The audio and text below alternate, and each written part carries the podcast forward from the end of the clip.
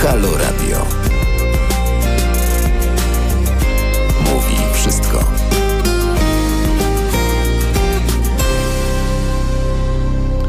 Jest 6,5 minuty po 21.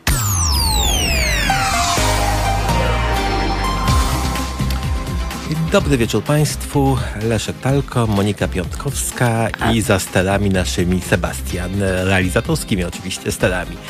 E, Dziś mamy czwartek, 4 marca, do końca roku zostały nam jeszcze 302 dni. Imieniny obchodzą Adrian, Adriana, Arkady, Arkadia, ale nie centrum handlowe, Kazimierz, Piotr, Nestor i Łucjusz, e, a także wszyscy inżynierowie, bo dzisiaj jest między- Międzynarodowy Dzień Inżyniera.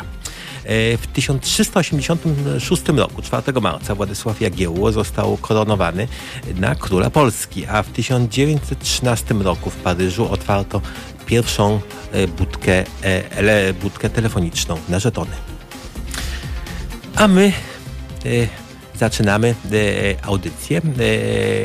Fajną ksi- książkę wczoraj Wczoraj, wczoraj, Wczoraj, wielokrotnie. wczoraj ten, ten, tak, tak, tak, do, będziemy z Państwem do godziny 22.45, ale nie tylko sami tutaj e, ze sobą i z Sebastianem. Będziemy mieli jeszcze gościnie. Tak, będzie nas, proszę Państwa, trochę więcej jak to zwykle o tej porze. Y, Z nami y, nasz pies radiowy, y, czyli Hachiko. Już parę minut temu słyszeliście Państwo o nim, chyba też słyszeliście Państwo jego. Jeśli Ja się aż jakieś... wzruszyłem, a kiedy Adam Bysiek tak pięknie o nim opowiadał i tak pięknie, żeby adoptować te mm, brzydkie psy ze schronisk. On nie jest za piękny, prawda? No, no nie jest za pięknym, pewnie go Państwo zobaczycie mm, na kamerach. Polecamy się na YouTubie, polecamy się na Facebooku. Proszę do nas dzwonić 22 39 050 22 e, albo pisać e, halo e, małpa Boże, teraz małpa halo.radio. Naprawdę nie wiem. Może i tu, i tu. Może, Może i i- tu, może, może i i tu. teraz Myślę, nie że tak, tak doj, dojdzie do nas, proszę Państwa, z każdej strony. Rzeczywiście e, fajną książkę wczoraj, czyli e, e, nasza sztandarowa audycja pod tytułem Nie ma już kanap, nie ma już knajpek, nie ma już niczego, gdzie moglibyśmy sobie porozmawiać o czymś innym, co nie jest koronawirusem, tarczą antykryzysową, która nie działa, wypowiedzią kolejnego polityka o tym, czy wrócimy do szkół, czy też nie wrócimy szkół i każdym innym szaleństwem. Więc my postanowiliśmy tutaj Państwa chillować o tej porze, czyli o godzinie 21.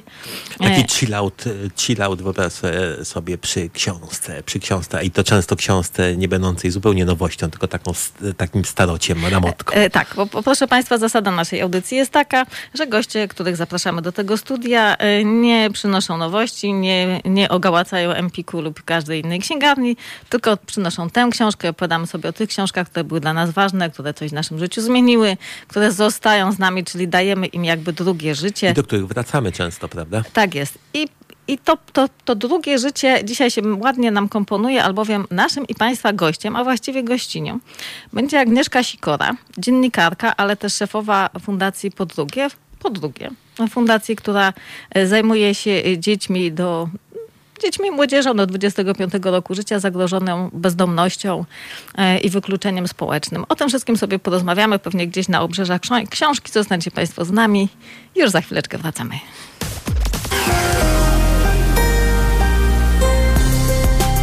Halo Radio. Mówi wszystko.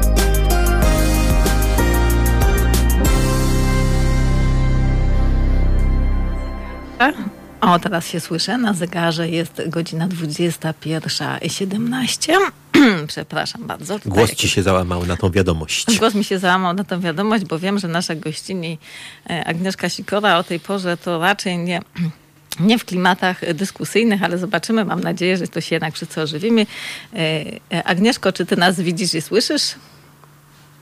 Właśnie dobry wieczór, dobry wieczór. Mam taki lekki dyskomfort, ponieważ was słyszę, ale was nie widzę. Czyli pokazuję, znaczy patrzę sama na siebie.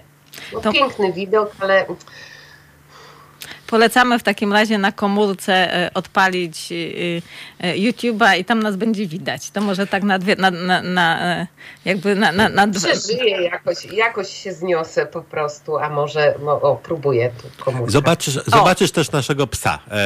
To będzie dodatkowa wartość dodana, który od czasu do czasu budzi się, bo on też ciężko znosi wieczorne audycje, nie, zwykle jednak zasypia. Tak, tak jest. Powiedz mi, e, powiedz mi, Agnieszka, to jest taka pora dla ciebie już raczej do kładzenia się spać albo odpalania jakiegoś serialu lub książki, czy, czy to jest środek dnia i jesteś tutaj najbardziej ożywiona? Mam takie wrażenie, że z każdym rokiem to staje się pora coraz późniejsza. Jeszcze parę lat temu to w ogóle 21, wow, to ja mogłam góry przenosić, ale niestety czas biegnie i mam takie coraz częściej poczucie, że ta 22 to jest taki dobry moment, żeby już być w pozycji horyzontalnej. Nie zawsze to mi się udaje, e, oczywiście, i zdarza mi się też siedzieć e, do późna, bo mam jakieś rzeczy do zrobienia albo po prostu nie mogę zasnąć, ale też zauważyłam, że jest coś takiego, że gorzej mi się pracuje po nocy, że, że to już nie jest to to, to, to raczej jest czas na odpoczynek, relaks. W takim razie, jeśli będziesz chciała przyjąć pozycję horyzontalną w okolicach godziny 22, czyli w połowie naszej e, audycji, nic nie stoi na przeszkodzie. E, nasza gościni Fiolka Najdenowicz po prostu przyszła do nas w piżamie i też dało radę, a że chillujemy i zachęcamy wszystkich do tego, żeby się odprężyli, wzięli swoją kawę, herbatę, e, wino, jeśli e, jest taka potrzeba i po prostu rozsiedli się, by posłuchać sobie o tym, jak ludzie rozmawiają o książkach, a nie o pandemii, o życiu, o tym, co zdarzyło się fajnego albo innego, to, to myślę, że w każdej pozycji my możemy być, a też nasi słuchacze również. Chociaż, chociaż wiesz, chociaż właśnie usłyszeliśmy, że e, jesteśmy bardzo weseli i bardzo pozytywni i wiesz, i mamy wszystkich rozruszać i nie wiem, nie wiem, czy za każdym razem nam się to uda, wiesz, być takim wesołym. Nie, proszę Państwa, my nie będziemy Was dzisiaj rozruszać, dlatego, że jest 21, a jeśli do 23 Was tak rozruszamy, to kto jutro wstanie? Nie, nie, będziemy Was dzisiaj uspokajać, chillować, będziemy sobie rozmawiali e, poważnie i przyjemnie, a ja już od razu idę do Agnieszki, bo tu ona jest naszym, e, naszym centralnym punktem programu. Agnieszko, ja wiem, wiem, jaką książkę przyniosłaś, y, bo mówiłaś nam o niej już wcześniej, że, że, to, właśnie ta, e, że to właśnie ta pozycja będzie tą, o której będziesz chciała opowiadać. Powiesz sama, jaki to tytuł? Przyniosłam książkę Bracia Lwie Serce Astrid Lindgren. To znaczy nie przyniosłam jej fizycznie, bo komuś ją pożyczyłam. Oj. I nie posiadam. No to proszę Państwa, może, może słuchają nas. To Momencik. Słuchajcie, kiedy powiedziałam o tym, że to są bracia Lwie Serce Astrid Lindgren, to od razu przyszła mi do głowy inna książka, która jest dla mnie też szalenie ważną książką i mam nadzieję, że znajdziecie chwilę, żeby mnie o nią zapytać. Nie wiem, czy ją znacie, bo ona nie była jakoś bardzo popularna w Polsce. To jest książka Jedwab. O, o mój Boże, czy chcesz, żebyśmy zacytowali środek, początek okay, i koniec na wyrywki? A czy chcesz, żebyśmy, żebyśmy opowiedzieli ci o wyprawie, kiedy pojechaliśmy, e, pojechaliśmy do miasteczka, w którym to się działo we Francji, specjalnie po to, żeby zobaczyć miejscowość, w której rozgrywała się akcja? Jak on się nazywał? Hem? Jak się nazywało to miasteczko? By, by, by, by? Ej, mm. Ja wiem, ja wiem, jak się Czekaj, nazywa. Zaraz sobie przypomnę. Ja wiem, jak się nazywał y, y, y, słynny... Jeancourt. Tak. Herw Jeancourt, a bal sprzedawał jedwabniki. Tak, tak, jest, a jego przyjaciel, który nieustannie próbował e, z, z bilami, z bilami zrobić szachermacher, tak. nazywał się Baldabio.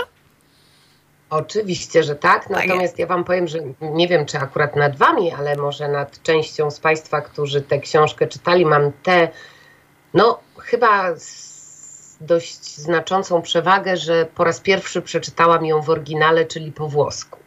Ale mieliśmy rozmawiać o braciach Lwie Serce. Może do Jedwabiu wrócimy. On mnie tak nagle w tej chwili przyszedł do głowy, że jednak uwielbiam tę książkę. Ale wiesz co, to jest zasada naszej audycji, że tutaj nie ma e, ścisłego scenariusza. To, co nam przyjdzie do głowy, to się pojawia, bo to są rozmowy na kanapie. A na kanapie y, y, mówimy o tym, potem o tamtym, a potem wracamy. Ale może rzeczywiście wróćmy do braci Lwie Serce, których ja się przyznaję nie czytałam. I chociaż strasznie lubię Astrid Lindgren, to tej książki nie czytałam. I muszę ciebie ciebie zapytać, kiedy ona w twoje ręce trafiła, bo to jest, to, to jest pozycja, która się pojawiła w latach 70., zdaje się, na rynku, prawda? Y, tak, bardzo możliwe. Natomiast do mnie ta książka nie trafiła w postaci książki, tylko y, trafiła do mnie, jak byłam małą dziewczynką, w postaci słuchowiska radiowego. Y, jak chodziłam do szkoły podstawowej, to codziennie wieczory, wieczorem o godzinie 19.30 zwykłam słuchać audycji radio, radio dzieciom, radio dla dzieci w programie pierwszym Polskiego Radia. Wówczas, nie wiem czy nadal tak jest, codziennie przez pół godziny były emitowane różne słuchowiska dla dzieci. I tak poznałam braci Lwie Serce, to było słuchowisko w odcinkach i byłam nim zachwycona. I pamiętam, że później byłam zachwycona, kiedy pojawiła się powtórka tego słuchowiska, a potem dopiero już chyba jako taka poważnie nastoletnia dziewczyna, czyli mająca 16-17 lat, kupiłam tę książkę w, jakimś, e, w jakiejś księgarni i przeczytałam. A czemu do niej wróciłaś? Bo to jest opowieść o śmierci. Bo myślę, że to jest, to jest e, temat, który nas pewnie wszystkich nurtuje. Ja zawsze ze śmiercią miałam tak, że kiedy o niej myślałam, to odpędzałam te myśli od siebie. Nie chciałam o tym myśleć, co będzie, jak człowiek umrze, e, co będzie, kiedy kogoś bliskiego zabraknie w moim życiu. A ta książka przedstawia śmierć w troszkę innym wymiarze, ponieważ ta śmierć nie jest e, końcem życia, tylko początkiem czegoś może nawet lepszego albo innego, ale na pewno mm, nie jest końcem. I, i ta książka daje taką, takie poczucie bezpieczeństwa chyba, a jednocześnie jest przepięknie napisana jest to y, absolutnie zupełnie inna opowieść niż te powszechnie y, znane historie opisane przez Astrid Lindgren, w, którymi, w których też się zaczytywałam. Dzieci z Bullerbyn to pewnie przeczytałam ze 150 razy, podobnie zresztą mój syn, e, Pippi Langstrom. E, to też była e, książka, którą czytaliśmy wielokrotnie, natomiast Bracia Lwie Serce to jest zupełnie inna literatura chyba tak naprawdę. Jeżeli nie czytałaś, bardzo ci Moniko polecam. Ja zrobiłam oczywiście to, co zwykle robią dziennikarze. Rzuciłam się do internetu i zrobiłam głęboki research. W związku z tym mogę się wymączać o książce, której nie czytałam. Przepraszam, to, to nie to, co zwykle robią dziennikarze, tylko co robią uczniowie. Na wiadomość, że jest jakaś książka, której nie czytali, rzucają się do internetu i zdobywają bryk. No tak, ściąga.pl czy tego typu rzeczy rzeczywiście tak jest. Ale to sobie powiedzmy, o czym ona jest. To jest historia dwóch braci tak, dobrze myślę, y, y, którzy, z których jeden jest chory. To jest y, historia, która, i to myślę, że mogę Państwu opowiedzieć, bo to nie będzie jakimś strasznym zdradzeniem tego, o czym jest ta książka, bo ja ją bardzo, bardzo gorąco polecam, nie tylko dzieciom, ale również dorosłym. Książka zaczyna się od tego, że właśnie jest dwóch braci. Jonatan, który jest zdrowym, pięknym chłopcem, bardzo podziwianym przez wszystkich, świetnie uczącym się, fajnie sobie radzącym w życiu. I Sucharek, jego brat, który jest chory, który całymi dniami leży w łóżku i którego życie dla niego samego wydaje się takie bardzo bezużyteczne. I dochodzi do tragedii, w której w domu tych dwóch braci jest pożar. I w wyniku tego pożaru ginie Jonatan, ratując swojego biednego, małego, chorego braciszka, który po tym, co się stało, ma takie poczucie jejku, ale to jest bez sensu. Dlaczego to nie ja umarłem, skoro przecież ja i tak jestem chory, ja i tak jestem, nie do niczego, jestem do niczego, a umarł ten mój wspaniały brat, który mógł tak wiele dobrego zrobić. I kiedy sobie tak sucharek leży w łóżku, mam nadzieję, że nie przekręcam, bo dość dawno to czytałam, ale kiedy ten sucharek leży sobie w łóżku, przylatuje do niego śnieżno-biała gołębica, czyli jak to w bajkach bywa, i przynosi list od brata, który w tym liście mówi: Sucharku, nic się nie martw, wszystko jest dobrze. Ja jestem teraz w Langiali, bo jest taka kraina, do której idziemy, kiedy umieramy. I kiedy tam do mnie dołączysz, to znajdź zagrodę braci, tam będę na ciebie czekał nad jeziorem, nad wodą, będę łowił ryby. I to jest taki początek tej opowieści, a później autorka przeprowadza nas przez tę piękną krainę, która oczywiście, jak to chyba bywa w świecie tym prawdziwym, okazuje się nie być aż taką doskonałą, bo w niej też są pewne zagrożenia i złe moce, ale już tego nie będę Państwu zdradzać. Ale to, co jest wspaniałe w tej opowieści, to jeżeli w Langiali nam się powinie noga i skończy się nasze życie, to czeka na nas kolejna kraina.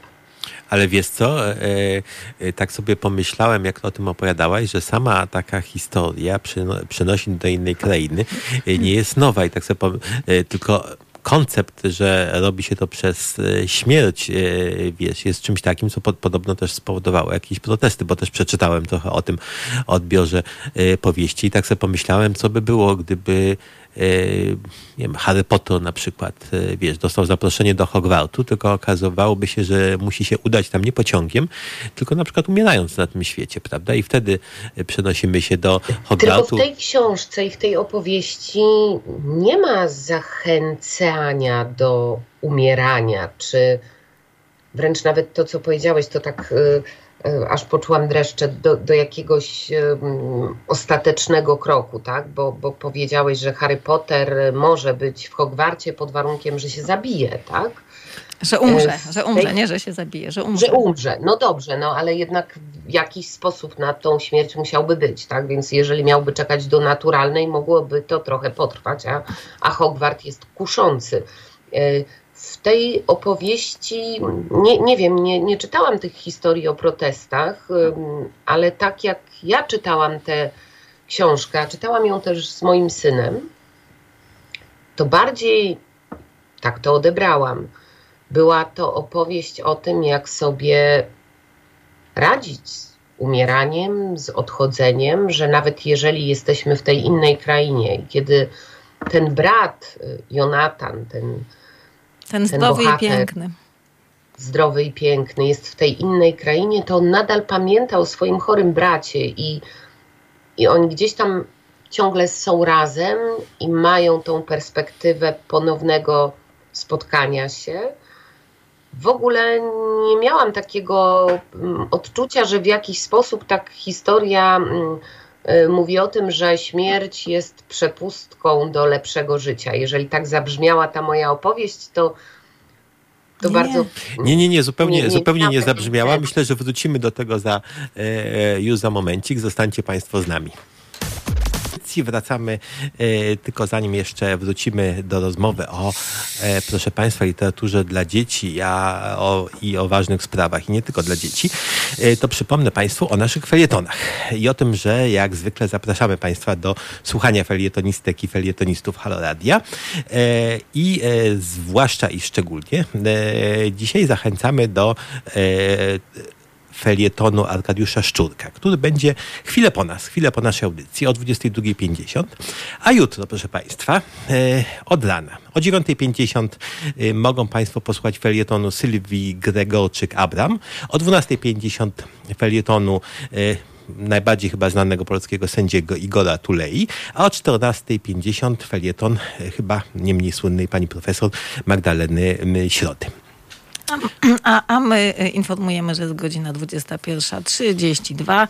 I, e, i bardzo byśmy chcieli, żeby Państwo do nas napisali, e, podzielili się też swoimi opiniami, nie tylko o tej książce, o której rozmawiamy, bo e, może o swojej ulubionej książce, a może o swoich, e, swoich przemyśleniach o literaturze, w ogóle czyli, o książce. Czyli teraz małpa halo.radio. Czekamy na Państwa e, uwagi, komentarze i opinie, a my już wracamy do naszej e, gościni. Z nami jest e, e Agnieszka Sikora, e, szefowa Fundacji e, Po Drugie, wspierającej młodzież zagrożoną bezdomnością. Agnieszka, mówiłaś, że czytałaś potem jeszcze tę książkę z synem i jak? Tak, taki sam odbiór jej był? Bo zwykle jest tak, że jak wracamy do czegoś po latach, no to widzimy tą rzecz jakby troszeczkę inaczej. E, tutaj też tak było? Właśnie syn już mi się trochę zestarzał, bo już ma 14 lat I tę książkę czytałam, jak on był naprawdę mały.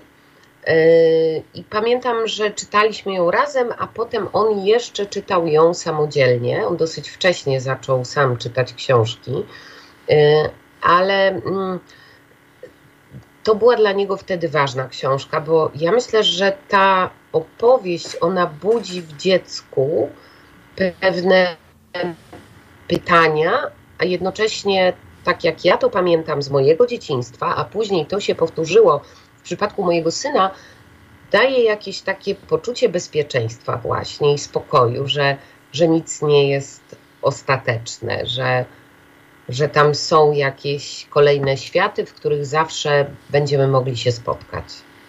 E, z tego, co mm, wiem, to mm, jakby zakończenie nie jest jednoznaczne. Tak do końca nie wiadomo, co się dzieje z braćmi, choć sama Astrid Lindgren już pod koniec swojego życia, w którymś z ostatnich wywiadów, w którym tak jakby się otworzyła w ogóle, bo taka była raczej zamkniętą sobie osobą, powiedziała, że mm, E, że Sucharek umiera na kanapie e, w swoim w pokoju, w swoim domu, a cała opowieść służy do tego, żeby on jakby poradził sobie z tym, że jego brat zmarł, że ona jest czymś w rodzaju e, takiego lekarstwa, takiej ucieczki, czymś, co pozwala po prostu przetrwać taką traumę, jaką jest śmierć brata. To bardzo zaskakująca moim zdaniem E, jakby recenzja czy wyjaśnienie, nie uważasz? Może tak było. Ja, jak dzisiaj rozmawiałyśmy przed audycją, to mówiłam tobie, że ja tak nie do końca pamiętam, jak się ta książka skończyła. Dla mnie ta książka mojej pamięci, absolutnie tak nie musi być napisane, skończyła się tym, że ci bracia siedzą nad wodą i łowią ryby. I robią coś, co bardzo lubili robić razem. Ale to bardzo ciekawe. Ja tak bardzo, zapamiętałam. Bardzo, bardzo ciekawe, co mówisz, bo e, dla mnie, e, ja też bardzo często zapamiętuję i książki, i filmy tak po swojemu. E, czasem po latach, kiedy e, do nich zaglądam, okazuje się, że one skończyły się, albo zaczęły się zupełnie inaczej niż się zapamiętałem, ale nas interesuje właśnie ta twoja trochę wersja. Jak ty odebrałaś Ale to? przepraszam, ja tutaj jeszcze, e, ja tutaj małą dygresję zrobię. Wiesz, Agnieszka, to nieprawdopodobnie ciekawe, co powiedziałaś. Astrid Lindgren podskoczy, podskoczyłaby z radości. Albowiem ona powiedziała coś takiego w wywiadzie, że zakończenie tej książki książki y, y, zależy od tego, kto ją czyta. Ktoś od duszy dorosłego człowieka y, i taki już jakby mm, mm, poważny jakby w środku, no najczęściej czyta koniec z zaciśniętym gardłem, bo wie, że to jest śmierć. Ktoś, tak jak ona, kto zachował w sobie dużo takiej dziecięcej radości i, i jakby pielęgnuje w sobie to dziecko, y, kończy ją z uśmiechem na ustach, bo, bo, bo widzi braci po prostu przeżywających dobrą chwilę razem. I ty należysz do tej drugiej kategorii, co jest zupełnie niezwykłe, bo mówimy tutaj, bo, bo czytałaś ją wiele razy i, i czytałaś ją już również jako dorosły człowiek, czyli zrobiłaś dokładnie to, o co Astrid Lindgren chodziło. Jesteś jej idealnym czytelnikiem. Wyobrażasz sobie? Po prostu. Po prostu. Nie wiem, czy, znaczy już jakby nie mam możliwości dostać od Astrid Lindgren gratulacji za to, że tak świetnie rozumiem to, co piszę, ale może spotkam się z nią w Langiali i wtedy o tym sobie porozmawiamy. A myślisz, że, y, y, myślisz, że literatura dla dzieci, y, która mm, zahacza o temat śmierci, to jest coś, co, mm, co jest potrzebne? Czy myślisz, że warto wprowadzać dzieciom taki temat? Myślę, że to jest bardzo potrzebne, chociaż bardzo nie lubiłam dziewczynki z zapałkami. E, I mm, jakichś takich rzeczy, kiedy byłam dzieckiem, zbyt wprost opowiedzianych, ale przecież w tych książkach takich nawet sztandarowych dla dzieci, to śmierć tam gdzieś jest bardzo często, prawda? Jak sobie weźmiemy nawet takie bohaterki, nie wiem, literatury dla dziewcząt, bo jestem dziewczynką i tak jakoś jednak dziewczyńskie książki czytałam, chociaż dzisiaj to można byłoby różnie na to patrzeć, ale w moich czasach to tam były książki dla dziewcząt i dla chłopców. E, to zobaczcie, no, Ania z Zielonego Wzgórza była sierotą. Polianna była sierotą. Gdzieś te bohaterki, ta, ta, ta śmierć w różny sposób gdzieś się przewija w tej literaturze, y, również dla Tomek Sawyer, to może niekoniecznie książka dla dzieci. Znaczy dla dziewczynek. Nie, znaczy ja ją czytałam. Ale to już wszystko jedno, dziewczynki, nie, nie dziewczynki. Nie z tej dziewczyńskiej półki, tak, nie tak. z tej dziewczyńskiej półki. Ale ta śmierć, ona jest gdzieś tam. Czasami nie jest opowiedziana, czasami jest tylko faktem, jest ktoś sierotą i tyle, ale, ale ona jest i myślę, że ona musi być w jakimś sensie obecna, bo, bo ona jest częścią naszego życia, tak? Ale w takim ujęciu disneyowskim, które przez wiele lat istniało, to te, tej śmierci właściwie nie było, prawda? E, w, te, wiesz, w świecie wesołych opowieści, e, opowieści Disneya. Tam, tam wszystko zawsze kończyło się dobrze i nikt, e, i nikt nie umierał. A myślisz, że teraz, nie wiem, ty pracujesz z dziećmi, z dziećmi, z, z młodzieżą, czy, czy oni... Czy oni Oj, halo, halo, przestałam was przez chwilę słyszeć. A teraz nas słyszysz? Słyszysz nas? O, Oj, tak. pracuję tak. z dziećmi. Także pra, mhm. pracujesz, pracujesz e, z młodzieżą i e, e, czy myślisz, że oni, e, że oni e, e, potrzebują takich, wiesz, bardziej zbliżonych do życia tematów, czy raczej, czy raczej woleliby właśnie opowieści typu, typu Disneya, gdzie wszystko jest piękne, kolorowe i kończy się dobrze? I nikt nie umiera. Co jest bardziej potrzebne człowiekowi? Czy coś do pocieszenia, czy coś takiego do pogodzenia się ze światem, z życiem? No to ja muszę odpowiedzieć tak trochę nijak, bo wszystko jest potrzebne. To jest potrzebne, czasem to jest potrzebne. No też e, młodzież, z którą pracujemy w Fundacji Po drugie, e, to są osoby, które pewnie ze śmiercią miały dużo do czynienia, nawet nie pewnie, tylko na pewno miały e, dużo do czynienia. Wiele osób, którym pomagamy, to osoby, które już pożegnały swoich rodziców, e, które czasem też e, same podejmowały próby zakończenia własnego życia, albo w których gronie wśród znajomych są takie osoby, które to życie skończyły bardzo wcześnie. Mm. Ja myślę, że my potrzebujemy, ale to już tak bez względu na sytuację, w której się znajdujemy i na nasze doświadczenia, na każdym etapie historii radosnych, które nas będą podnosić na duchu i które będą sprawiać, że będzie nam się wydawało, że świat jest trochę może mniej skomplikowany, ale również tych, które gdzieś tam powodują w nas pewną refleksję i pomagają nam radzić sobie z sytuacjami, które będziemy konfrontować w życiu, bo nie da się ich uniknąć. Wiesz, wiesz co, kiedy, y, kiedy czytałam opowieści o Astrid Lindgren, zaczęłam się zastanawiać, dlaczego właściwie ona taką książkę napisała, bo wszędzie się zawsze podkreślało mm, w, w, w, mm, biografiach jej, y, w tekstach jej poświęconych, że przeżyła bardzo takie mm, szczęśliwe, dobre dzieciństwo i jakby wracała do niego, do tej krainy takiej nibylandii, w której, w której była dzieckiem, tak do, do 10 roku życia, tak jakoś to podkreślała, że po, 10 roku życia człowiek już przestaje być tym dzieckiem i traci najlepsze lata. E, ale kiedy przeczytałam, jak w jaki sposób ona tłumaczyła e, e, braci Lwie Serce, to pomyślałam sobie, że coś tu jest na rzeczy. Nie wiem, czy ty byś też tutaj tak takiego swojego nosa zapuściła. Czy opowieści o dobrym dzieciństwie Astrid Lindgren, o Pippi Langström, o, o o dzieciach z Bullerbyn nie były czymś takim, czym magiczna kraina w, w Braciach Lwie Serce, że to była taka ucieczka jednak, że to nie było aż tak dobre dzieciństwo. Hmm? Tego nie wiem. Trudno mi odpowiedzieć na Twoje pytanie, czy to jest tak, że y, piszemy o tym, co byśmy chcieli, żeby było, czy piszemy o tym, żeby pokazać innym, że może być aż tak dobrze? Czy to są jakieś nasze tęsknoty? Pewnie każdy ma trochę inną motywację.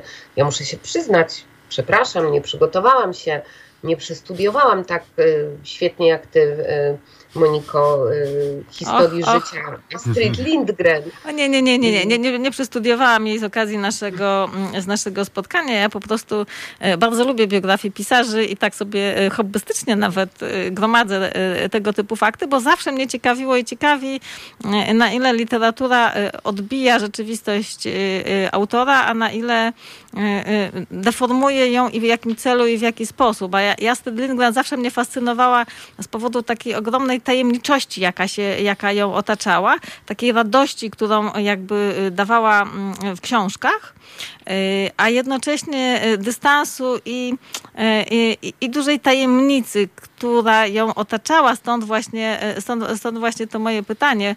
Y, y, Wiesz, zachęciłaś mnie bardzo do tego, żeby po braci y, Lwie Serce mm, y, jakby sięgnąć. A Ciekawa jestem, e, ciekawa jestem ja- jak, się, jak się we współczesnym e, e, świecie teraz czyta, jak ja bym to Wiesz co, przeczytała. ja e, z naszą własną córką, wspólną zresztą, czytałem parę lat temu, bo to była w lekturach książka, trafiła do lektur gimnazjalnych bodajże. E, Ale powiem ci, że odpadliśmy oboje, a nie dlatego, że to była zła książka, tylko, tylko to była książka, która Pole strasznie zasmuciła e, i potem już nie, jej nie chciała czytać dalej, a mnie w sumie, jak zacząłem ją czytać, no żeby dowiedzieć się, co tak bardzo ją zasmuciło, też strasznie zasmuciła. I właściwie tak sobie siedzieliśmy jak takie e, dwa smutne ludki, dwa smutne ludki i Pola się mnie wtedy tam pytała, ale czy oni umarli, tato, czy oni umarli naprawdę? Ja mówiłem, no wiesz, no chyba umarli. Ale to ja, ja nie chcę dalej czytać, jak oni już umarli. I to powiedz mi, co było dalej. No ja wtedy właśnie wygrzebałem jakiegoś bryka i powiedziałem, co było dalej, ale w sumie też mi się zrobiło, też mi się zrobiło smutno. Może to głupio powiedzieć, że stary chłopa zrobiło mu się smutno, że tutaj, że tutaj umarli. Ale przez to właśnie no, nie dotrwałem do końca. No, nie dotrwałem do końca, bo zamiast e, pójść na to piękno literatury i, i urok literatury, to e, no, pokonał mnie smutek. No. Właśnie to jest pytanie, jak ty sobie z tym smutkiem poradziłaś? Ale to już y, może za chwilę, wrócimy do Państwa za chwilę. Państwo zostają z nami, piszą swoje opinie, a my wracamy za moment. Halo Radio. Mówi wszystko.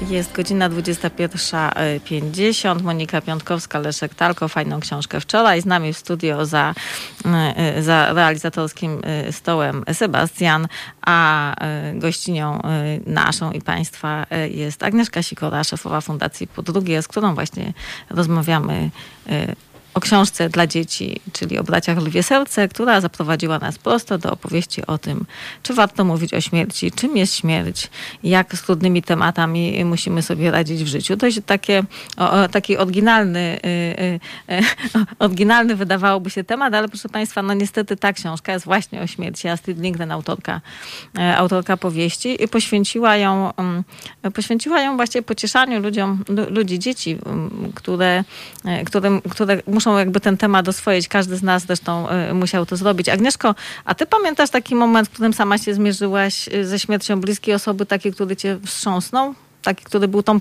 tym pierwszym? I który Miałam- przeżyłaś? Miałam jeden taki moment. Tak naprawdę do tej pory chyba byłam bardzo szczęśliwą osobą, bo, bo nie musiałam się ze śmiercią osób bliskich kom, y, konfrontować.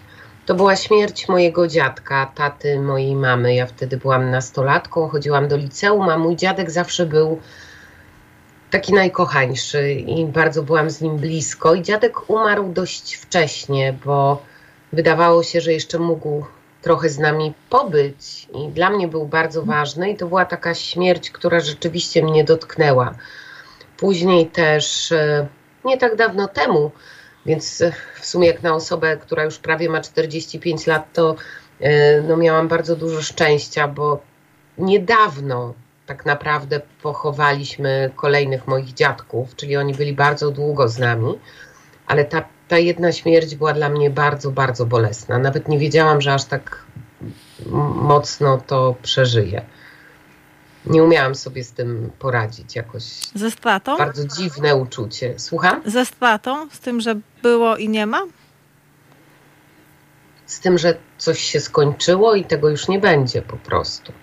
A masz e, na, w swojej pracy e, z młodzieżą, no, o której mówiłaś, że to też są e, dzieciaki, ale z bardzo trudnymi przejściami. Masz, masz też takie momenty, kiedy musisz prowadzić takie trudne rozmowy i mm, pocieszyć, wytłumaczyć właśnie taką stratę, sytuację, w której no tak, to są dzieciaki, które, tak, to są dzieciaki, które doświadczyły niewątpliwie wielu strat. Bo śmierć to zawsze jest strata, prawda? Bo można umrzeć fizycznie, ale może też się coś skończyć i to też jest rodzaj małej śmierci. Jak sobie teraz ra, ra, trzeba radzić ze, ze? Jak ty, jak ty to robisz? Jak ty, jak ty tłumaczysz swoim podopiecznym, swoim mm, wychowankom właściwie? Chyba nie ma tutaj jakiejś mądrości ogólnej, którą można byłoby zastosować.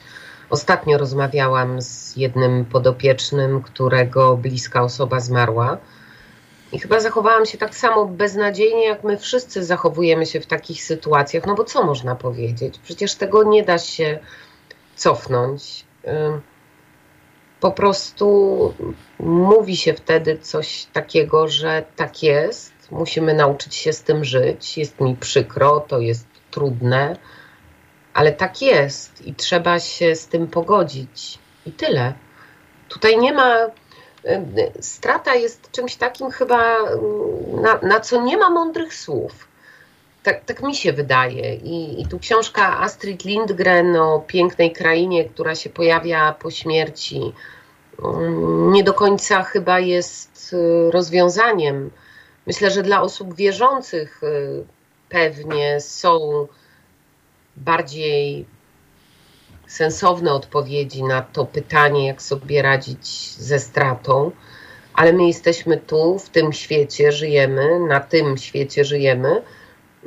I chyba to jest trochę tak, że trzeba powiedzieć: Jest mi przykro, co mogę dla ciebie zrobić, Mhm. Trzeba żyć, żyć dalej.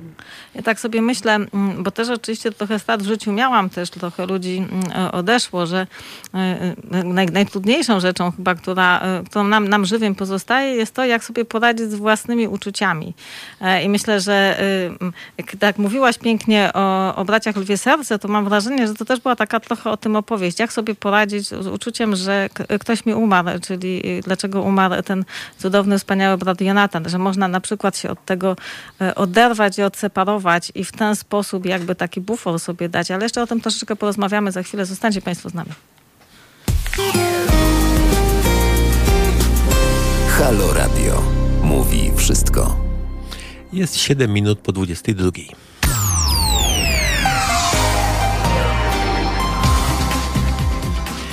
Leszek Talko i Monika Piątkowska. Audycja e, Fajną Książkę wczoraj. Będziemy z Państwem jeszcze do godziny 22.45, a przypomnę tylko, że mamy dzisiaj czwartek, 4 marca. Do końca roku zostały 302 dni. Imieniny Adriana, Arkadego, Arkadii, Kazimierza, Piotra, Nestora, Łucjusza oraz wszystkich inżynierów, bo dzisiaj jest Międzynarodowy Dzień e, Inżyniera. E, z ważnych dat, proszę Państwa, chciałem przypomnieć, że w 1966 roku e, John Lennon ogłosił słynne zdanie, e, które brzmiało: Beatlesi są popularniejsi od Jezusa Chrystusa. A rok temu w szpitalu w Zielonej Górze wykryto pierwszy w Polsce przypadek czego, proszę Państwa, pacjenta zarażonego koronawirusem.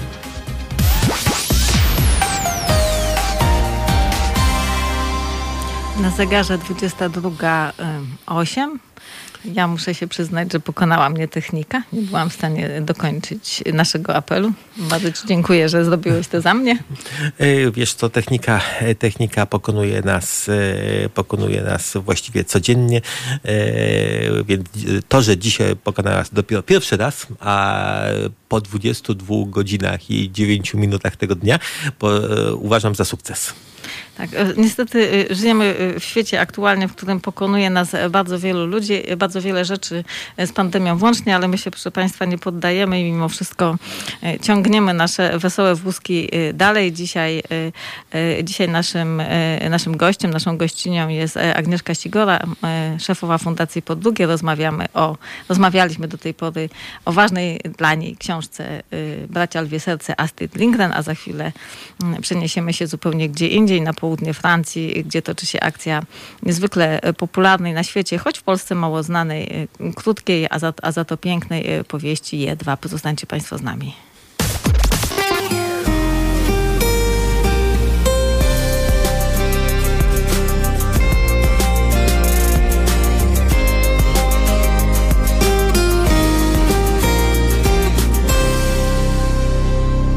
Zegarze godzina 22.14. Ja Państwu tylko przypomnę, że jesteśmy z Państwem do godziny 22.45. Potem po nas folieton e, Arkadiusza Szczurka, a w piątek możecie Państwo odsłuchać o 9.50 folietonu Sylwii Gregorczyk-Abram, o 12.50 folietonu sędziego Igora Tulei, a o 14.50 folietonu profesor e, Magdaleny Środy. To tak e, dla tych, którzy z Państwa nie pamiętają o tym, warto, naprawdę warto. A my już wracamy do naszej audycji. E, fajną książkę wczoraj zaczęli... Bo książki warto czytać, też warto, proszę Państwa, warto. E, warto i zwłaszcza warto sięgać po te, które nie są nowością, to nie są te mm, e, reklamowane aktualnie, które przez dwa tygodnie są na billboardach albo na stendach w Empikach, a potem znikają na wieczną niepamięć. Wracamy do tych, które stały się dla nas ważne, które towarzyszą nam przez życie, które, mm, które stają się częścią naszego życia. Rozmawialiśmy o Astrid Lindgren i, i, i, jej powieści Bracia Lwie Serce, bardzo niezwykłej, ponieważ dotykającej e, tematu śmierci i to dotykającej go w sposób e, głęboki, namacalny i taki dożylny, można by powiedzieć. A teraz e, prosto ze Skandynawii przenosimy się razem z naszą gościnią Agnieszką Sikorą do Francji, na południe Francji, gdzie toczy się akcja przepięknej powie powieści mm, bardzo krótkiej, bardzo takiej poetyckiej y, Jedwab. To ciekawe, że y, skojarzyła ci się właśnie teraz, tuż przed audycją, że to też jest książka y, dla ciebie niezwykle ważna. Powiesz dlaczego? My też chętnie podzielimy się naszą opowieścią, bo Jedwab to jest też coś, co towarzyszy nam przez całe życie i jest to książka, której nigdy przenigdy nikomu nie pożyczymy. O, nie słyszę cię, Agnieszko. Ja właśnie, ja już, już. Ja, ja właśnie zrobiłam ten błąd, że y, polską wersję tej książki komuś pożyczyłam i ja już jej nie mam. A bardzo bym chciała ją pożyczyć jeszcze wielu moim przyjaciołom, przyjaciółkom, którzy tej książki nie czytali. Y, tak jak Wam wspomniałam na początku audycji, po raz pierwszy tę książkę przeczytałam po włosku, y, bo uczyłam się włoskiego, mówię po włosku i dostałam ją od mojej przyjaciółki, która mieszka we Włoszech, też jest Polką, ale tam sobie poukładała życie i ona mi ją wysłała chyba na urodziny i napisała: Słuchaj, musisz to przeczytać, to jest genialne. No i e, dostałam tę książkę po włosku, a potem e, jeszcze przez jakiś czas nie było tłumaczenia na język polski, a ja już ją tak bardzo chciałam wszystkim pokazać, bo, bo to jest naprawdę niezwykła opowieść. Uważam, że to jest w ogóle majstersztyk e, literatury ponieważ e, zresztą to jest w tej książce napisane, że ona jest taka krótka, jednak jest powieścią, prawda? Bo to jest taka cieniuteńka książka, taka malutka. To ja się od razu Ona ciebie... jest powieścią. To zanim mhm. zaczniemy, zaczniemy rozpracowywać dla Państwa jedwab, to się od razu zapytam, słuchaj Agnieszka, a te swoje ulubione książki pożyczasz? Bo wiesz, że jest, są dwie, dwie, dwie strategie jakby y, takie, kiedy y, y, nigdy przenigdy, żeby potem nie, nie, pytać się samego siebie, Matko Boska, gdzie to, gdzie to zniknęło. I, i, tacy, I są tacy ludzie, którzy jakby muszą, mają tą potrzebę takiego dzielenia się i tak jakby z pełną radością i świadomością, że może nie wrócić. Ale pyta, pytasz, pytasz się Agnieszki, a właśnie powiedziała, że dwie ulubione książki zostały pożyczone i już nie wróciły. Och, tak, rzeczywiście. Znaczy, ja nie pożyczam szczoteczki do zębów, żeby była jasność, tak? Nie pożyczam szczoteczki do zębów i paru innych bardzo intymnych rzeczy, a tak to, wiecie, ja prowadzę działalność, e, która e, dotyczy pomagania ludziom w kryzysie bezdomności. Ja nawet nie pożyczam, ja daję. A, no czyli, czyli oni po prostu nie oddają. Ale jakby co, słuchaj, to y, mamy dla ciebie radę, bo kiedyś y, stwierdziliśmy, że właściwie żadne książki, które pożyczyliśmy do nas nie wracały. Y, Monika, nie wiem czy pamiętasz, zrobiliśmy sobie wtedy taką pieczątkę, na której było napisane skradzione z biblioteki Moniki Piątkowskiej Leszka Talko i jakoś wtedy parę wróciło. Wiesz, ja nie jestem w stanie teraz odgrzebać, patrzę tutaj na półkę, którą mam z książkami, ale mój tato zrobił kiedyś takie ekslibrisy i na części naszych książek są e, takie piękne naklejki ekslibris Ryszarda Sikory, bo to był e, mojego taty. Mm, ale ja już się nie załapałam. On nawet mi chyba też zrobił taki ekslibris Agnieszki Sikory, ale no gdzieś tam to nie wyszło. Zawsze byłam osobą, która się dzieli wszystkim, co może, oprócz szczoteczki do zębów. Ale wiesz, ja, ja się zastanawiam, czy wszyscy nie jesteśmy na tyle starzy, że powinniśmy wytłumaczyć, co to jest exlibris, czy, czy może no, Państwo, którzy nas słuchają, wiedzą. To, to, to na razie nie tłumaczmy. Zadajmy to taka pytanie. Pieczątka, która dowodzi Ach. tego, że dana książka należy do kogoś. Myślałam, że zadamy to pytanie mm, naszym słuchaczom i w ten sposób troszeczkę, Oj, troszeczkę ich rozruszamy, ale już się dowiedzieli, czym jest Exlibris. Może, może Państwo to wiedzieli, też możecie nam napisać. A może mają Państwo własny Exlibris? O, i to jest bardzo dobre pytanie. Teraz małpa halo, e, e, halo.radio. Jeśli macie Państwo jakieś swoje patenty na to, żeby ukochane książki do Państwa wracały, w związku z tym piszecie coś na nich, e, to, to zapraszamy, żebyście się Państwo z nami podzielili. Ja się od razu tu wytłumaczę, dlaczego ja jakby książek ukochanych nie pożyczam. Mam jakby dwa powody. Jeden to jest taki, że te ukochane są strasznie szczytane. No ja bez przerwy do nich wracam, w związku z tym one no, nie wyglądają dobrze, a co gorsza, zdarza mi się też łapać za długopis i kiedy jakaś wena twórcza mnie złapie i chcę tu koniecznie zapisać światłą myśl, to ja ją biorę i zapisuję na tej książce. I moje książki często są popisane, czyli widać, y, kto je czytał, widać, co myślał wtedy, kiedy czytał, widać, jak zmieniał się, kiedy czytał. A druga rzecz jest taka, że rzeczywiście książki mają to do siebie, że się zagnieżdżają w tym domu, w którym się znajdą. Czyli pożyczone szybko znajdują sobie miejsce na półce i ja nigdy nie podejrzewam tu złych intencji. Natomiast myślę, że to jest, taki, e, to jest taka cecha książek, że książki, ma, książki żyją e, i kiedy ruszają w podróż, to jakby w tym, na tym, podczas tego kolejnego przystanku, na tym kolejnym przystanku, tak przysiadają na dłużej i zostają, a ja potem szukam ich i szukam po swoich półkach i nie mogę znaleźć. E, a teraz wrócimy do Jedwabiu. Słuchaj, czytałaś go e, w oryginale, a czytałaś też po polsku? Tak, oczywiście. Mhm. I jaka? Tak. I, I co, różnica? Jest, dla mnie jest różnica, ale wiecie, ja się uczyłam włoskiego i y, na przykład część takiej literatury włoskiej, nie wiem, na przykład Morawie czytałam po włosku, potem czytałam też po polsku. No gdzieś tam po włosku to jest trochę lepsze, ale na przykład zdarzyło mi się też po włosku czytać i to było kretyńskie kompletnie. Y, wilka stepowego y, albo jakąś literaturę typu Gorki i to, to się w ogóle tego się nie dało czytać po włosku. No nie po włosku Gorkiego, to, to pewnie, no, no, pewnie, tak, pewnie było kalkołome. Ale, wie, ale wiesz co? Masakra, to, to było po prostu y, bardzo, bardzo dziwne. Y, natomiast jeśli chodzi o Baricco, to kiedy go czytałam po włosku, on rzeczywiście miał to coś takiego, czego y, przekład jest świetny, absolutnie, ale czego nie było tak do końca czuć, kiedy tę książkę się czyta po polsku. Tego rytmu nie było. Nie wiem, czy pamiętacie, na pewno, jeśli uwielbiacie tę książkę, y, tam jest y, taki wstęp do, do, do tej opowieści, że każda historia jest jak muzyka.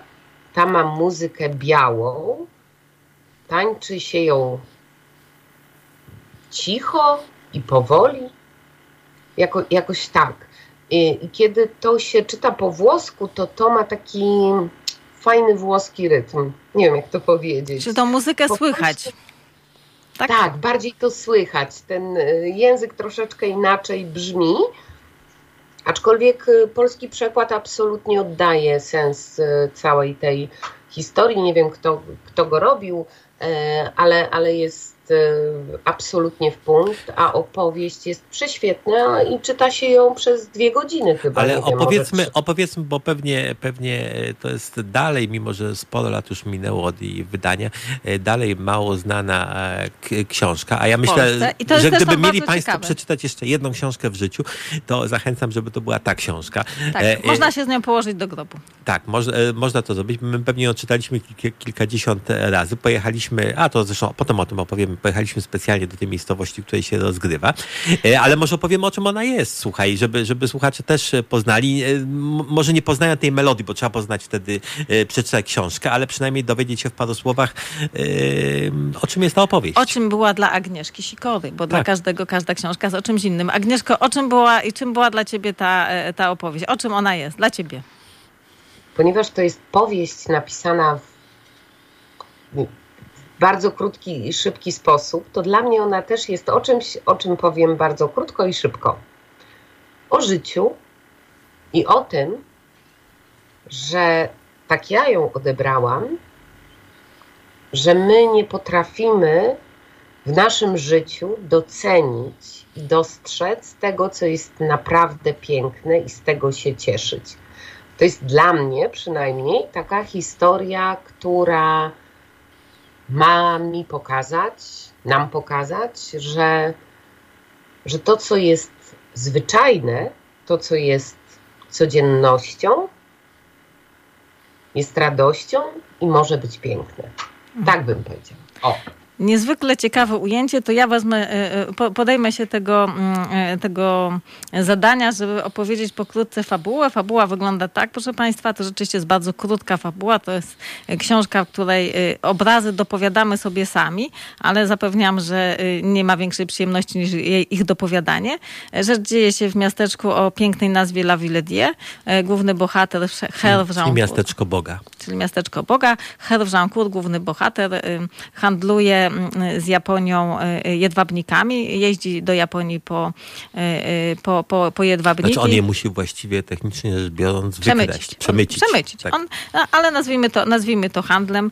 Ma piękną żonę o imieniu Helen. Jest zadomowiony w tym miasteczku. Wiedzie bardzo spokojne, by nie powiedzieć nawet trochę nudne i chyba dla niego momentami smutne życie. Podczas jednej z wypraw do Japonii spotyka, poznaje, widzi właściwie niezwykle piękną kobietę kobietę, w której się zakochuje i, która skrada nie tylko jego serce, ale także jego umysł i staje się e, czymś na kształt obsesji, e, jakby takiego horyzontu życiowego. E, I w pewnym momencie dzieje się tak, że ta kobieta i on mają taką chwilę, żeby w jakimś sensie się zobaczyć czy spotkać, nic właściwie do siebie nie mówiąc, mm, a potem, e, e, a potem e, jego życie zupełnie się, zupełnie się zmienia, ponieważ jego bliscy, wszystko to, co go otacza, e, nagle się przekształca. E, nie powiem Państwu, jak się przekształca i co się dalej dzieje, dlatego że to jest istota tej opowieści. E, ja mam taki zwyczaj, że zawsze przewiduję koniec, zwykle mi się to udaje. Fabuła wbrew pozorom rządzi się matematycznymi zasadami. W przypadku tej opowieści kompletnie nie przewidziałam finału. Rzucił, rzucił mnie na glebę, patrzyłam wielkimi oczami, co tutaj się przede mną rozgrywa. E, I gdybym ja miała Państwu powiedzieć, o czym jest ta opowieść, e, powiedziałabym, że mm, jest ona o smutku. A ty, Leszku? E, wiesz co, właściwie za każdym razem, za każdym razem myślałem, że ona jest o czym innym. Myślałem, że jest o, jest to o w pewnym momencie, że jest o wolności. Kiedy on tak, wiesz, wyruszał i przemierzał trochę monotonnie, utartym szlakiem, ale jednak pół świata w jedną stronę i pół świata w drugą stronę. Potem myślałem, że jest o nieuchronności ludzkiego losu. Potem myślałem, że w ogóle jest o losie, który naprzód e, postawił tych farmerów francuskich na skraju bankructwa, a potem dał im e, taką e, możliwość wyrwania się z tego. Więc, więc, więc nie tylko o wolności, ale o tym, że mamy ten los, ten los w swoim ręku. Potem, że jest wyłącznie o miłości.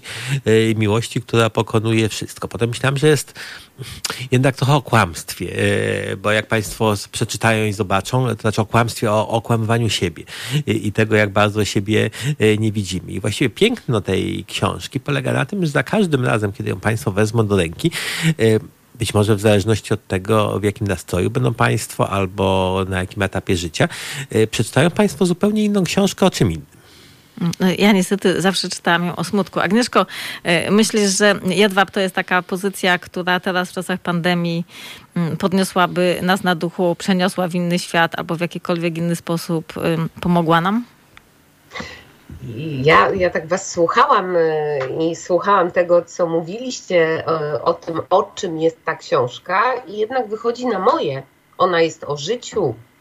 Hello, to wszystko, co powiedzieliście, to jest o życiu, i właśnie to, że ją można interpretować trochę różnie, e, to, to, to jest wspaniałe, naprawdę. I E, zaraz odpowiem, Moniko, na Twoje pytanie, ale tak sobie e, pomyślałam też, bardzo bym chciała Państwa zachęcić do tego, żeby jednak po tę książkę sięgnąć, bo ją się fantastycznie czyta. Ona jest świetnie napisana. Ona jest napisana w sposób bardzo lakoniczny.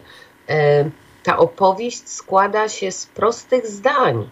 Tam nie ma jakichś rozbudowanych opisów. Wszystko musimy sobie wyobrazić. Jednym słowem, no. y, nasi, nasi maturzyści i uczniowie, którzy są przyzwyczajeni do rozważań, jak to tak, przyroda tak, współgra z odczuciami bohaterów, tu w tej opowieści absolutnie nie znajdą niczego podobnego, ponieważ tak jak wstęp głosił, powieść została napisana mm, jak, jak nuty, tak? Ona jest muzyczna, a w muzycznej, a, a w partyturze nie ma miejsca na rozbudowane opisy ala Eliza Orzeszkowa. Zostańcie Państwo z nami.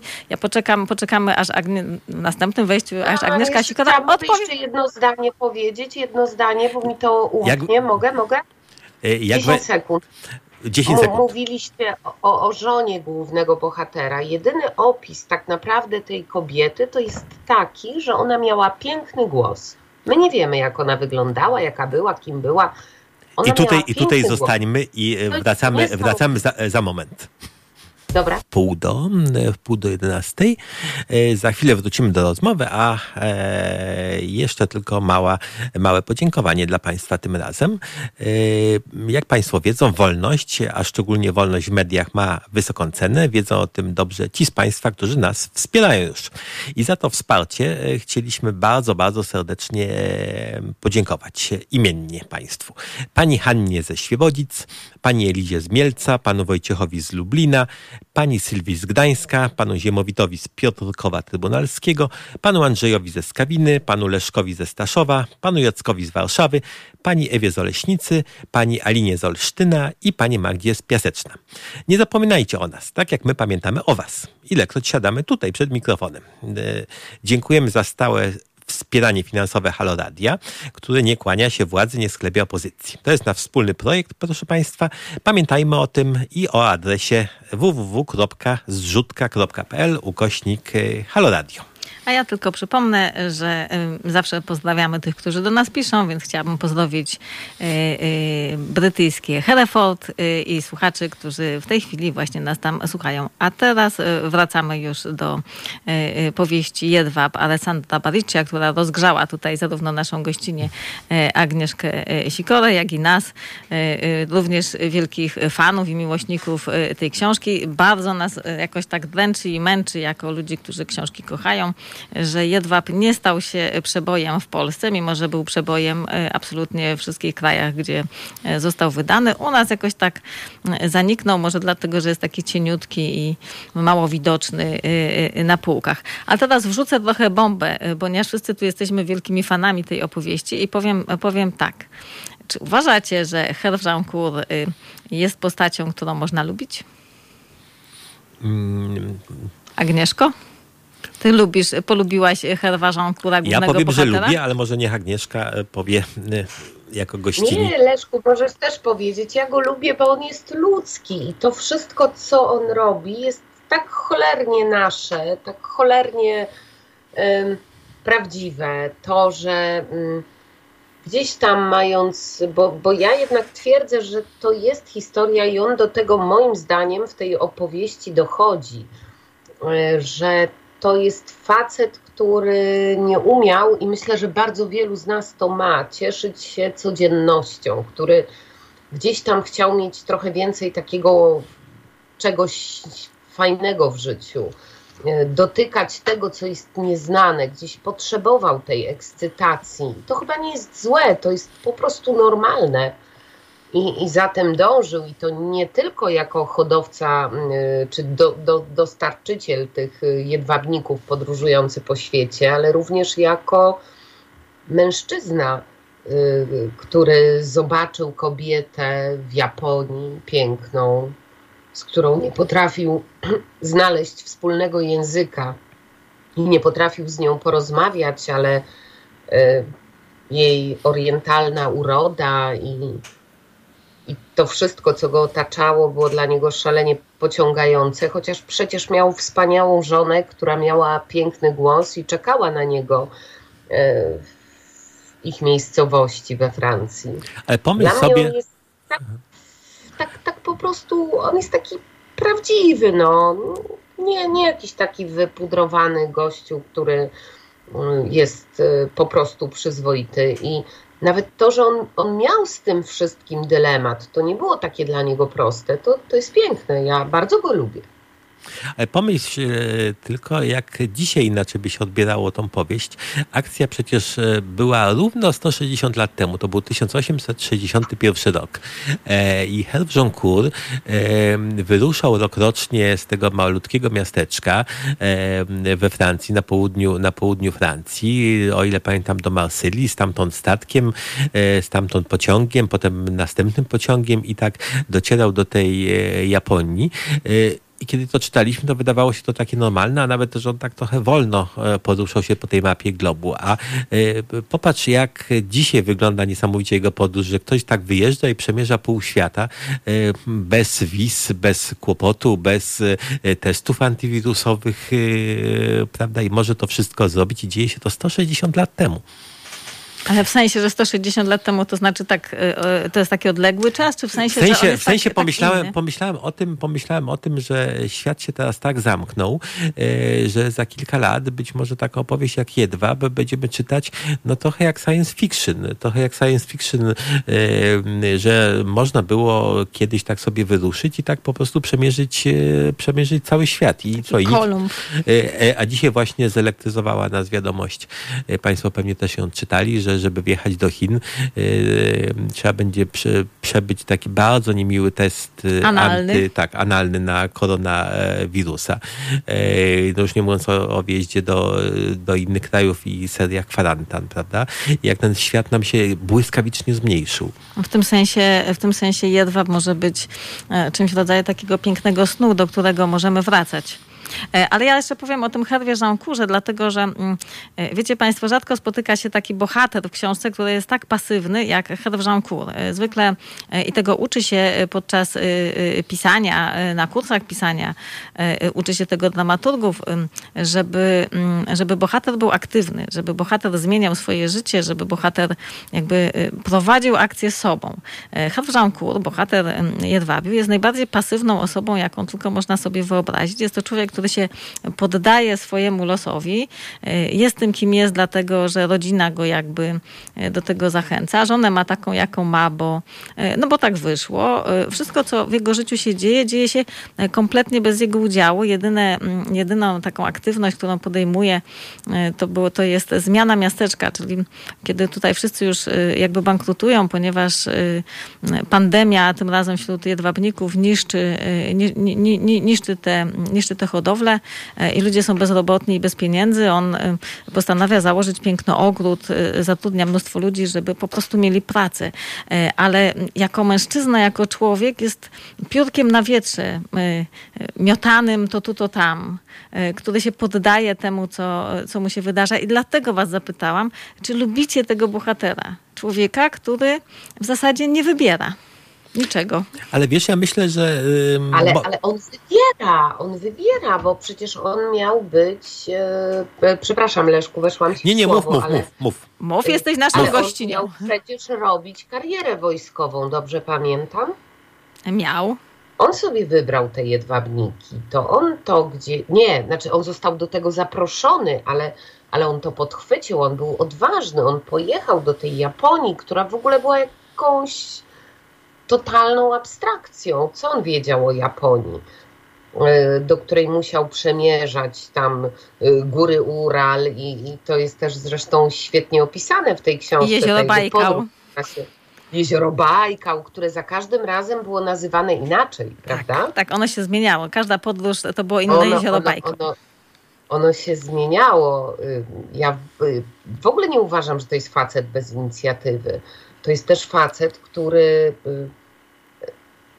w pewnym momencie zaczął jeździć do Paryża. Ja nie chcę tutaj Państwu opowiadać tej historii, bo bardzo bym Państwu naprawdę poleciła przeczytanie tego, bo, bo to po pierwsze nie zabiera dużo czasu, a daje chyba dużo do myślenia i du, dużo radości przeczytanie tej opowieści, ale to jest facet, który też bierze sprawy w swoje ręce, który y, próbuje pewną zagadkę rozwikłać, o której też bym nie chciała tutaj mówić. Tak, to jest, to jest strasznie, tak, to jest strasznie bolesne, proszę Państwa, że tak wielu rzeczy nie możemy Wam powiedzieć, bo choć książka jest krótka y, i wydaje się, że niewiele się w niej dzieje, to dzieje się w niej tyle, że gdyby Agnieszka albo ja czy Leszek zdradzili Państwu choć jeden malutki y, epizodzik jakby dotyczący, dotyczący tej opowieści, no to pozbawilibyśmy Państwa tej radości czytania, radości odkrywania tej opowieści. Prawda? Tak, ale, ale ja chciałem tylko powiedzieć, e, że e, on jest pasywny, ale ja lubię pasywnych bohaterów. Zobacz, e, zobaczcie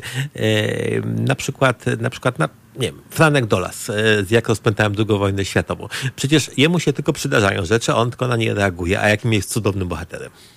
Ale Franek Dolas reaguje na nie w sposób emocjonalny, otwarty, otwarcie emocjonalny. My poznajemy Franka Dolasa przez pryzmat jego świata wewnętrz, życia wewnętrznego, które on bardzo uzewnętrznia. Natomiast Herw bohater tej opowieści, mm, jest człowiekiem, który ma tę przypadłość, że niczego nie uzewnętrznia i co więcej, nieprawdopodobnie słabo czyta uzewnętrznienia się innych ludzi do tego stopnia, że o swojej żonie prawdopodobnie wie jedynie tyle, że ma piękny głos, ponieważ wszystko, co ona robi, czego niestety nie mogę Państwu powiedzieć, no, to jest opowieść o książkach, które chcemy Państwu polecić. No, nie mogę Państwu powiedzieć, co ona robi, a jest to nieprawdopodobna zupełnie historię, no. ale ponieważ ona ale, to ale robi... Ja jeszcze zachęcając Państwa do przeczytania tej historii, to chciałam powiedzieć, że tam jest piękny wątek erotyczny.